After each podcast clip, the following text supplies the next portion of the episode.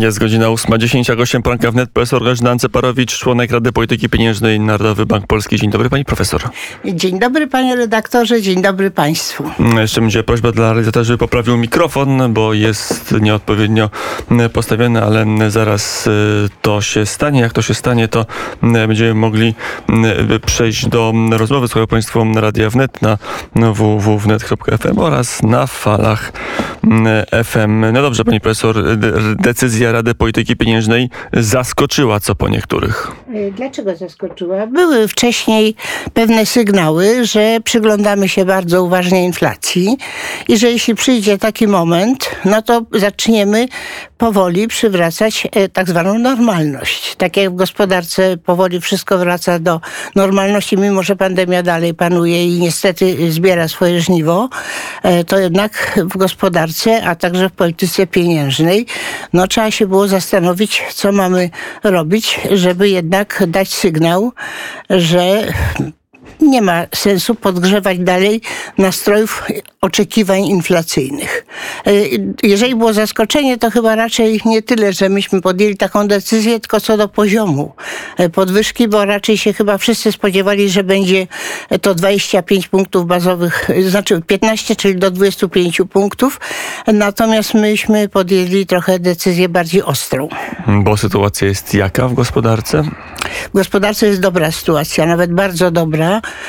I to nie jest tylko moje zdanie, ale wczoraj miałam okazję słuchać pana profesora Belki w jednym z wywiadów innej stacji, to była stacja telewizyjna, e, który też uznał, że ta sytuacja gospodarcza w Polsce jest naprawdę wyjątkowo korzystna, zwłaszcza na tle innych krajów i tego, co przeżyliśmy w okresie pandemii.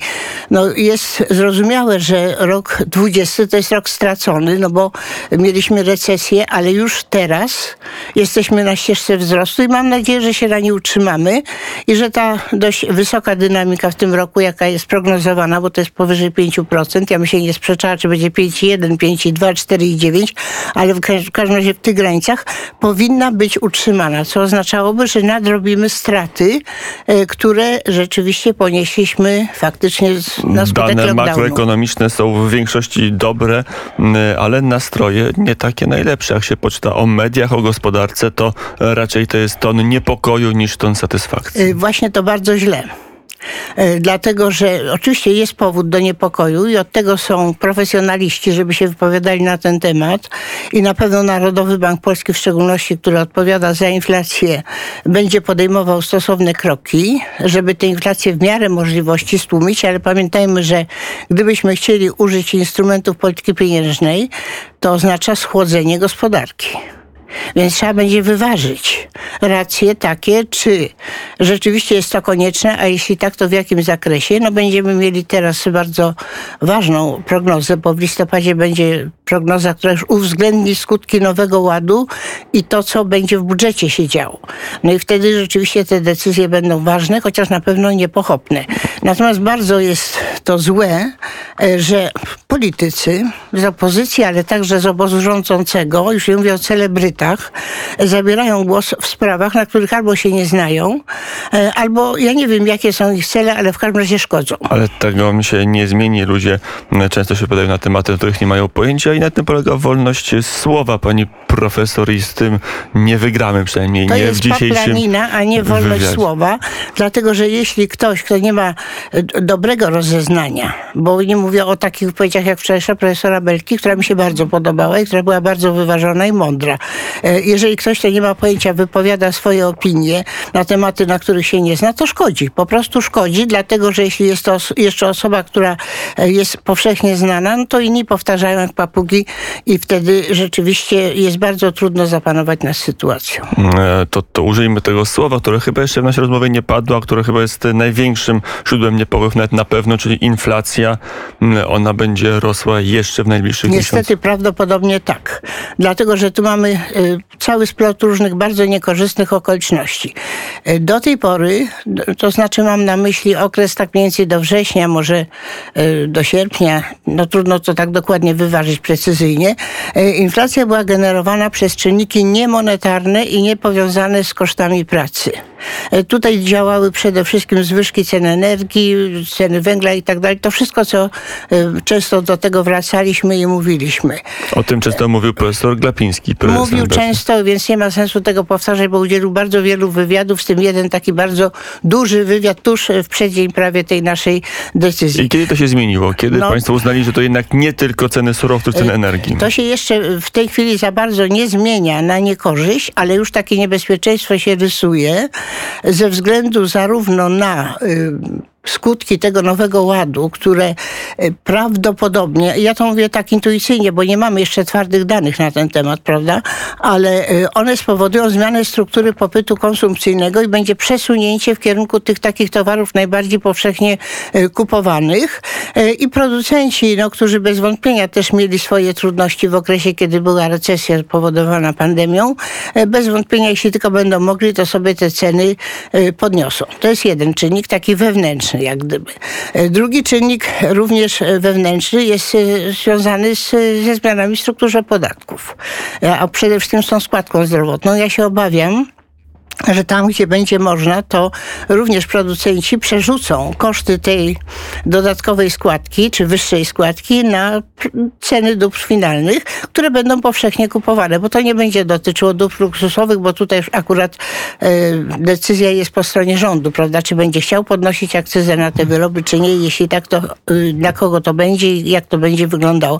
Ale to nie są dobra, które mają duży udział w koszyku inflacyjnym. Natomiast te dobra powszechnie kupowane, tak. Więc to jest następny czynnik. No i wreszcie to, że jednak te żądania płacowe i oczekiwania płacowe rosną, już to wyraźnie widać. I myśmy między innymi dlatego, żeby zapobiec e, powstawaniu tego, co się nazywa spiralą cen i płac, dali ten sygnał, że Narodowy Bank Polski nie będzie tego tolerował. Ale ona już grozi. Mamy tą podstawę, surowce, ceny energii, one napędzają silnie inflację. Tak, to jest mniej więcej 2,5% Do tego chwili. dołoży się w tej chwili jeszcze nowy ład, który e, doda no kolejny impuls tak. inflacyjny? E, może być kolejny impuls inflacyjny. No i pomijam jeszcze tutaj jeden czynnik bardzo ważny, a też warto o nim wspomnieć, mianowicie wzrost cen usług, e, który wynika stąd, że ceny usług przez bardzo wiele lat przed pandemią w ogóle nie były zmieniane. One zaczęły być powoli zmieniane w 2019 roku, a teraz, kiedy ceny producentów bardzo gwałtownie rosną, bo tam jest chyba wzrost powyżej, znacznie powyżej 10% rok do roku, nawet chyba 11 z hakiem, we wrześniu, e, no to jeśli będą mogli, a mogą już, bo wiedzą, kto został wierny e, tym usługodawcom, e, też trzeba się liczyć z dalszym wzrostem cen usług, który będzie zarówno też podejmowany w celu takim, żeby no, zrekompensować sobie straty, ale również pod wpływem wzrostu cen zaopatrzeniowych no i energii i wszystkiego, co mamy. Inflacja i jej wysokość, za chwilę pewnie przebijemy 6%. Niektórzy mówią, że 7% to będzie końcówka tego roku, początek roku e, przyszłego i jej trwałość to jeszcze jest e, przejściowa, czy, jest, czy to już jest uporczywa inflacja, pani profesor? No ja się bardzo boję, że ona może być uporczywa, dlatego że Narodowy Bank Polski może swoimi instrumentami częściowo wpływać na inflację, ale tak jak powiedziałam, za cenę schłodzenia gospodarki, bo co my robimy? Podnosząc stopy procentowe, utrudniamy jednocześnie e, sięganie po tani pieniądz. Po prostu będzie drogi pieniądz. To samo będzie dotyczyło papierów wartościowych, będą miały wyższą rentowność i tak dalej. Więc y, z tego punktu widzenia no, trzeba brać pod uwagę zarówno plusy, jak i minusy. Y, natomiast y, tu trzeba, na pewne rzeczy nie mamy zupełnie wpływu, na przykład to, co się dzieje na rynkach światowych, no to jest poza kontrolą, ale można by zastanowić się, czy i na ile będziemy mieli wsparcie ze strony polityki fiskalnej. Dlatego, że ta inflacja nie tylko w Polsce, ale w większości krajów zwykle zaczyna się od luzowania nie polityki monetarnej, tylko polityki fiskalnej. No chyba, że mamy wyraźnie jakiś tam kryzys na rynkach finansowych, no, bo bańka pękła. The Economist ostatnio mówi szok energetyczny, tak? To jest ta okładka z tym e, palnikiem gazowym, którego płomień przybiera kształt przerażonej twarzy. No to, Także ale... to jest ta podstawa, ale czy może ona gdzieś indziej, może to jest to, że wpompowano w czasie pandemii w polską i w europejską i światową gospodarkę biliony czy, czy dziesiątki bilionów pieniędzy. To wszystko jest prawda. W Polsce nie tak dużo, bo ja akurat patrzyłam ostatnio, ile to było e, poprzez fundusze, tak? No bo tam trudno powiedzieć dokładnie, jak to wyglądało, ale to jest e, znaczy i dużo, i mało. Zależy, jak się na to patrzy. Z punktu widzenia naszego budżetu, chociaż to nie były pieniądze budżetowe, tylko ja patrzę porównując z wydatkami, no to jest około 200 miliardów złotych. No więc e, gdyby nie to, to byśmy mieli taki kataklizm w gospodarce i taki kataklizm społeczny, że e, trudno sobie wyobrazić, żebyśmy mogli normalnie funkcjonować jako społeczeństwo. A czyli ta nasza polska inflacja, zdanie pani profesor, to nie jest wynik działania rządu w czasie pandemii i pakietów stymulacyjnych, pakietów ratunkowych? Nie, dlatego, że to, nie, nie, nie, bo tu jest właśnie wynika z niezrozumienia. E, Te pieniądze w gruncie rzeczy, one osiadły na rachunkach bankowych i są w systemie bankowym i wcale nie były uruchamiane. E, One po prostu ratowały na bieżąco, na bieżąco to, że mogły przetrwać zarówno gospodarstwa domowe, te, które zostały pozbawione pracy, jak i pracodawcy. Zresztą to były też okresowo tylko wypłacane pieniądze i gdybyśmy popatrzyli, to większa część z tych środków była wypłacana w drugim kwartale e, 20 roku. E, Teraz to są takie już powiedziałabym bardziej pożyczkowe pieniądze, które właściwie służą temu, żeby e, zakłady, które przetrwały, a większość przetrwała i to znakomicie przetrwała, mogły odbudować swój potencjał wytwórczy. Ja chciałam na jedną rzecz zwrócić uwagę, bo mało kto chyba to śledzi. E, GUS podjął badania, jakie były nastroje wśród przedsiębiorstw na początku pandemii. Od kwietnia 20 roku te badania trwały i na początku, w pierwszym momencie, jak był ten lockdown ogłoszony, e, to mniej więcej 80% przedsiębiorstw, niezależnie od sekcji gospodarki, czy to był przemysł, czy budownictwo, czy gastronomia, mniej więcej 80% przedsiębiorstw uważało, że to będzie w ogóle kataklizm.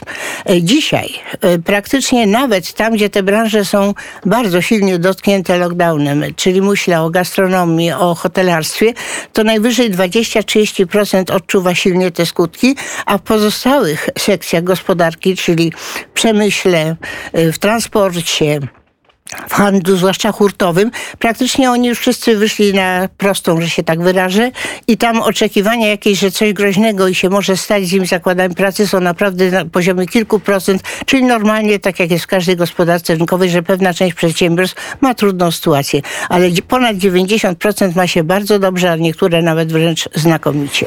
E, Pani profesor w studium Poranka wnet, profesor Grażyna Ancyparowicz, Rada Polityki Pieniężnej, mm, ekonomistka. Pani profesor, a to, co powinien zrobić e, sektor rządowy, pani profesor mówił? No niestety ja y, nie mogę na ten temat się wypowiadać, ponieważ mamy y, taki zwyczaj w Narodowym Banku Polskim, y, że nie recenzujemy polityki rządu. I byłoby fajnie, gdyby po drugiej stronie było tak samo. E, Różne kraje już różne podejmują e, decyzje. Portugalia wczoraj podjęła decyzję o obniżeniu opodatkowania cen energii. To byłby krok, który by trochę wyhamował inflację, czy nie? No na pewno, jeżeli mam tańszą energię, no to to działa w obie strony. Tak, jeżeli rosną mi ceny energii, to mniej więcej po sześciu tygodniach, takie były dawniej badania, przekłada się to na ceny wszystkich dóbr finalnych, a potem jeszcze mamy jak gdyby efekt kolejnego odbicia tak, tych cen. No ale pamiętajmy, że taka decyzja oznacza to, co zresztą prezes Glapiński podkreślał, że firmy, które zajmują się produkcją i dystrybucją energii też musiałyby na tym stracić. Więc oczywiście inflacja byłaby niższa, no ale ktoś musi za to mm, zapłacić, czyli ponieść konsekwencje finansowe e, tego typu decyzji. Ale to Ktoś- jest, jak powiedziałam, domena rządu. My nie chcemy ponieść niczego suflować. Albo budżet państwa, albo spółki energetyczne, albo konsumenci. No ktoś. Ktoś, tylko że wśród tych konsu- konsumentów y, wysokie ceny energii nie zapłacą ci, którzy mają dochodów na rękę 6, 8, 15 tysięcy, ci, którzy mają do rękę 2 tysiące czy No rząd 1500. obiecał, rząd obiecał, przynajmniej tak słyszałam y, w mediach, y, że jednak tym rodzinom najuboższym w jakiś sposób zrekompensuje te wyższe y, koszty energii. Czy tak y, będzie i jak będzie, no to na pewno dowiemy się wkrótce. Ale jak mówię, to jest domena polityki rządowej, fiskalnej, natomiast Narodowy Bank Polski nie może w żaden sposób wpływać na ceny energii. Takiej możliwości, takich instrumentów żaden bank centralny nie ma. Mm, Skoro jesteśmy przy ubóstwie, to zanim wrócimy do polityki monetarnej, do działania dla polityki pieniężnej, strona dzisiejsza wirtualnej Polski, temat numer jeden, raport na temat ubóstwa. Aż 2 miliony Polaków żyje w skrajnym ubóstwie. To raport, który dzisiaj się pojawił. Raport przez Poverty Watch 2021 to jest taka, taki raport przygotowany corocznie przez, przez Polski Komitet Europejskich Sieci Przeciwdziałania Ubóstwu. Znaczny wzrost ubóstwa wśród seniorów i dzieci w no. roku 20. Myślę, że to rok pandemiczny, nietypowy, ale są to dane niepokojące, jak, jak podkreśla profesor Scharfenberg. Y, w ogóle ubóstwo było zawsze problemem w Polsce, y, zwłaszcza po transformacji ustrojowej, kiedy zaczęły się pojawiać badania na ten temat, bo jak wyglądało to wcześniej, to my tego nie wiemy. Y, tylko jednak trzeba pamiętać o tym, że mimo wszystko skala tego ubóstwa jest znacznie mniejsza niż była jeszcze kilka lat temu, no bo tutaj mamy te programy pomocowe dla tak rodziny. Jest, wśród dzieci w 15 to było prawie 900 tysięcy w, w tym najgorszym momencie III Rzeczpospolitej. Teraz mamy 410 tysięcy e, dzieci. I o tyle jest za dużo, tylko problem polega na tym, w jaki sposób ten problem można by rozwiązać. Czyli problem do kwadratu mamy, tak? E, ponieważ e, wszystkie te świadczenia, które idą, no one są i tak ogromne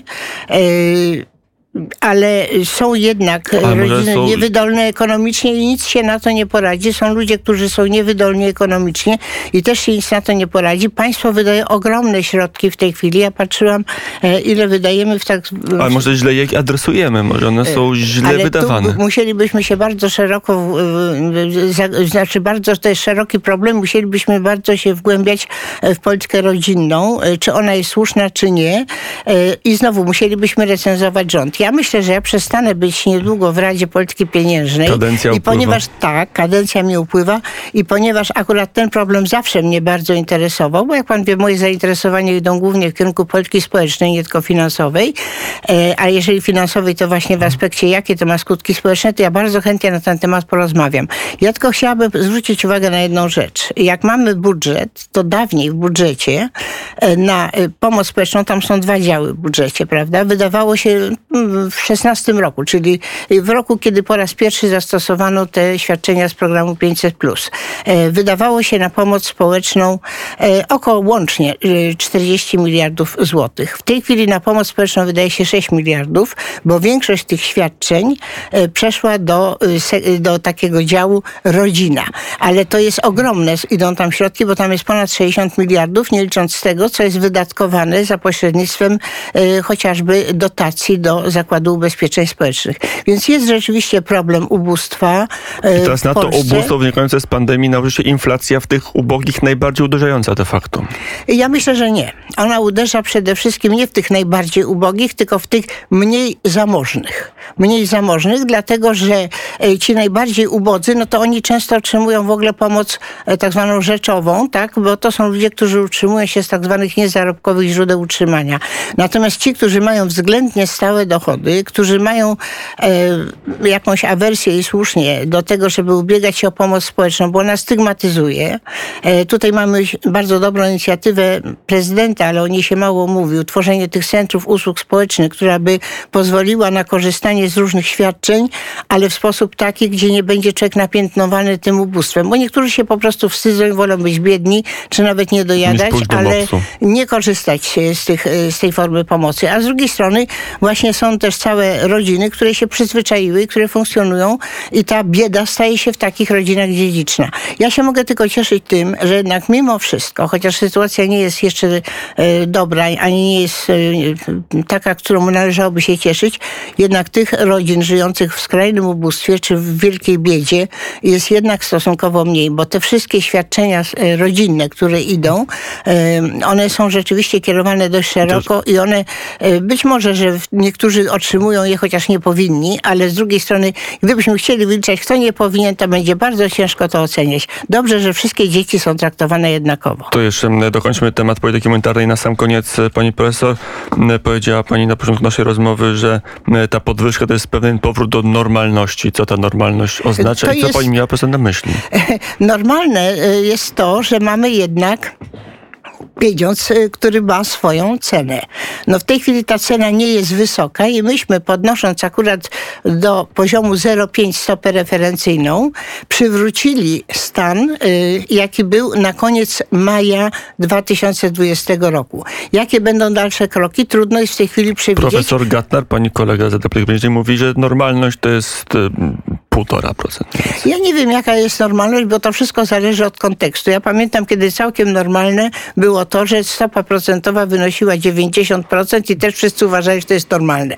Więc y, to jest kwestia kontekstu, prawda? Natomiast ja sądzę, że y, jest nieuniknione y, jednak jakieś bardzo, powiedziałabym ostrożne, ale jednak przywracanie tego poziomu, przynajmniej tego poziomu stóp referencyjnych, który mieliśmy y, przed pandemią. Natomiast nie umiałabym powiedzieć, jaki będzie harmonogram, bo to będzie zależało od ogólnej sytuacji, od naszych prognoz, które są jak do tej pory dosyć Globalna trafne. epoka taniego pieniądza, ujemnych stóp procentowych, skupu obligacji przez banki centralne się kończy? Y, Na świecie chyba nie, natomiast w Polsce jest prawda taka, że y, właściwie ten skup y, taki otwarty, prawda, bo tam mieliśmy takie deklaracje prezesa, że nie wyznaczamy żadnych granic, w gruncie rzeczy sam wygasł, więc nie ma powodu, żeby odtrąbić, że już jest koniec interwencji tego typu.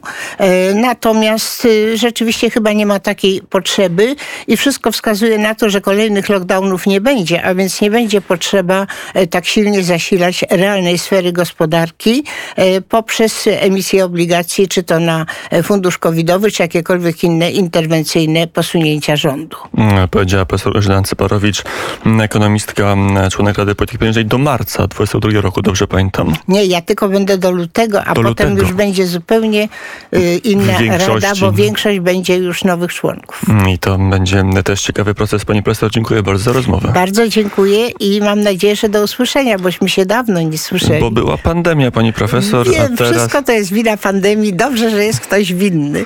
jest winny, można go z, z, z czystym sumieniem obwiniać, bo to byt nieosobowy, więc się nie obrazi. Przynajmniej mam taką nadzieję. O to chodzi. 8.31 na zegarach, czas na muzykę, a zaraz do studia wróci Jaśmina Nowak.